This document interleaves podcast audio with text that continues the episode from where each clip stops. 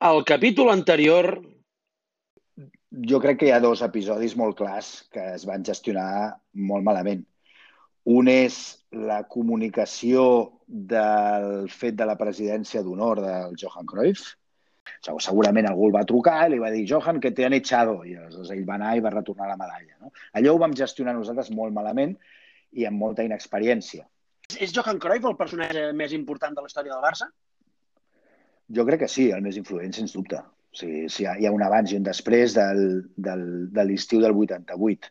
El, el tio més cruifista de, de tot aquest entorn, i ho saben els cruifistes, sóc jo. jo. Jo he sigut jugador amb Laureano Ruiz. El que millor entén el futbol del Johan sóc jo. Sí, sí, sí, sí, és que és claríssim.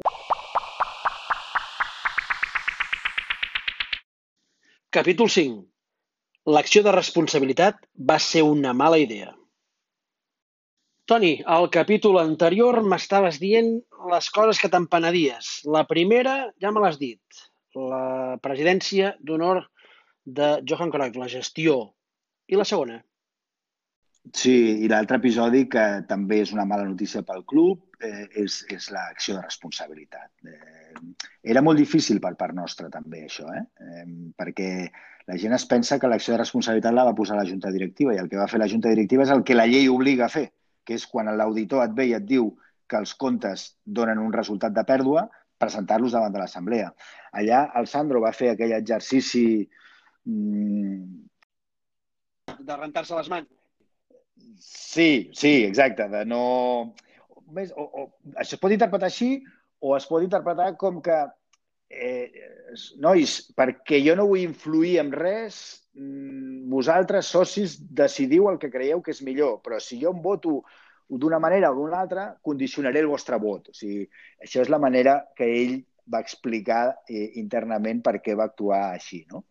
Eh, aquells, aquells dos, l'episodi de l'acció de responsabilitat va portar després eh, una guerra fratricida no? de, de, de dos bàndols i, i va semblar com que nosaltres estàvem passant comptes i venjant-nos i bueno, és, és, hi, ha, hi ha gent que té eh, se sent molt satisfeta de tenir aquesta teoria i d'estar-te acusant de que has anat a per aquesta gent. I jo, en, posteriori, en posterioritat, vaig estar parlant amb molts, uns quants dels, dels, dels demandats, intentant buscar una solució, i tampoc era possible, perquè t'he de dir que hi havia alguns d'ells eh, que el que volien era mantenir aquest conflicte, perquè, bueno, perquè a vegades quan un està immers en un conflicte té molt més sentit el que diu.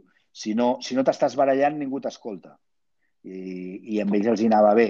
En particular el Jan i el, i el, i el Sala Martín, eh, que eren els dos que tenien la voluntat de no arribar a cap acord i de continuar fins al final.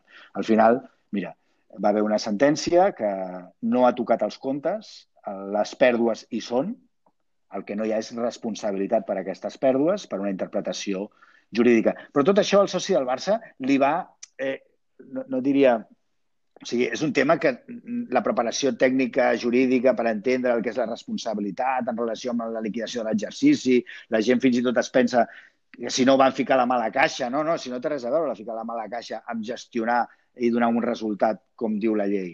Tot això va ser una mala idea. O sigui, al final el que vull dir amb tot això que t'estic explicant és que el Barça va donar en conjunt institucionalment una mala imatge pel fet de que eh, va haver una, una demanda i, i, i tot i que la llei ho digués, va haver una demanda i va haver un conflicte. I són les dues coses que, que, de les que no em sento orgullós. Al, al final del lunyisme, Toni, enllaçant amb això, a la Gambla va posar en pràctica per primer cop una eina que contemplaven els estuds, que era la moció de censura. I més endavant, tant d'una banda com d'una altra s'ha anat aplicant. Et fa por que l'acció de responsabilitat, eh, que també ho contemplen els estatuts, es pugui aplicar? Eh, creus que seria bo que s'anés aplicant amb directives que van entrant? és que eh, ja he dit abans que això està previst a la llei. O sigui, la llei de l'esport diu que una junta directiva d'un club de futbol no pot perdre diners. La seva gestió no pot donar pèrdues. I si dona pèrdues, els seus membres són responsables. O sigui, no és una cosa que decideixi la Junta, ho diu la llei. En el cas de la Junta Directiva del senyor Laporta, segons l'auditor que hi havia al club en aquell moment, que era Deloitte, van perdre diners i per això va haver una acció de responsabilitat. De fet, com acabo de dir abans, els comptes aquells no s'han revisat, continuen sent vigents. Si tu vas ara i demanes una certificació de quins, quins estan, han estat els resultats econòmics dels exercicis al Barça, Futbol Club Barcelona, veuràs com eh, ha donat un resultat negatiu el període de gestió de, del senyor Laporta. Si el període de gestió, en aquest cas, del senyor Bartomeu, que acaba el juliol del 2021, li passa el mateix, mm, la Junta que vindrà després estarà en la mateixa situació haurà de gestionar davant de l'Assemblea, decidir si s'ha de demandar els directius o no. I serà difícil, eh? perquè aquesta Junta ara mateix porta, ho vaig comptar fa un temps, 150 milions d'euros de superàvit des del 2010 fins ara. Però, esclar, fixa't en la situació en la que estem ara, d'aquesta pandèmia que ja veuràs com aquest exercici acabarà amb pèrdues importants i, i no es pot dir què, que, que passarà finalment al juny del 2021. Potser també es troben en aquesta situació. Però ja dic, la junta directiva que hi hagi a partir d'aleshores no tindrà cap més remei de portar-ho a l'assemblea. Això segur, eh? No podran evitar-ho, perquè si no ho fan, el que estarà incomplint la llei serà la junta directiva que arribarà en aquell moment. O sigui que haurà de fer-ho segur. Com ho gestionarà? Si el president farà allò que deies tu del Ponzi Pilat o farà... O, no sé què farà. No sé, o, o si anirà directament a demanar senyors, votem en contra perquè no hem de fer sang contra aquesta gent que han estat fent el millor que han sapigut la gestió del club. No ho sé. M'agradarà veure-ho. Uh, Toni, uh, va haver un canvi de tècnic uh, televisat, uh, unes negociacions gairebé televisades amb, amb Xavi Hernández, un fer fora d'aquella manera uh, a Valverde, eh, i que va, la cosa va acabar fins i tot amb un pitote important entre el secretari tècnic Vidal i, i la gran estrella de la, de, del club, Leo Messi. Com vas viure aquest episodi? Sí, eh, vam, vam fer bastant, bastant pena, eh? Deixa'm que t'ho digui així. Molta improvisació, no? Sí, perquè, perquè de sobte va haver un nerviosisme Mm, per, per donar... Jo, en principi no m'ho podia creure. Quan es va començar a dir que el Barça eh, estava a, a Qatar veient Xavi Hernández i era com a conseqüència d'un viatge que havien fet eh, a Vidal i, i Òscar Grau. Jo em pensava que realment era, era una notícia que estava magnificant una situació que no s'estava produint, i sí, certament s'estava produint.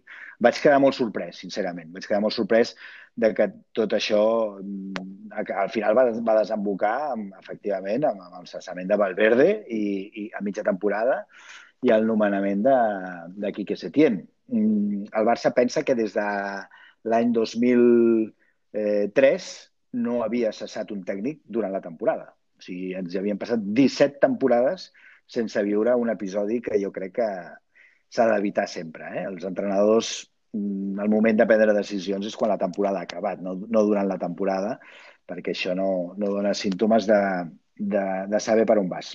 I amb el, i amb el secretari tècnic di, dient que hi ha jugadors que no els agrada entrenar. Sí, perquè ell, ell, ell, a mi li van preguntar i va donar una explicació de quin era el motiu per, pel qual s'havia decidit cessar Valverde a mitja temporada.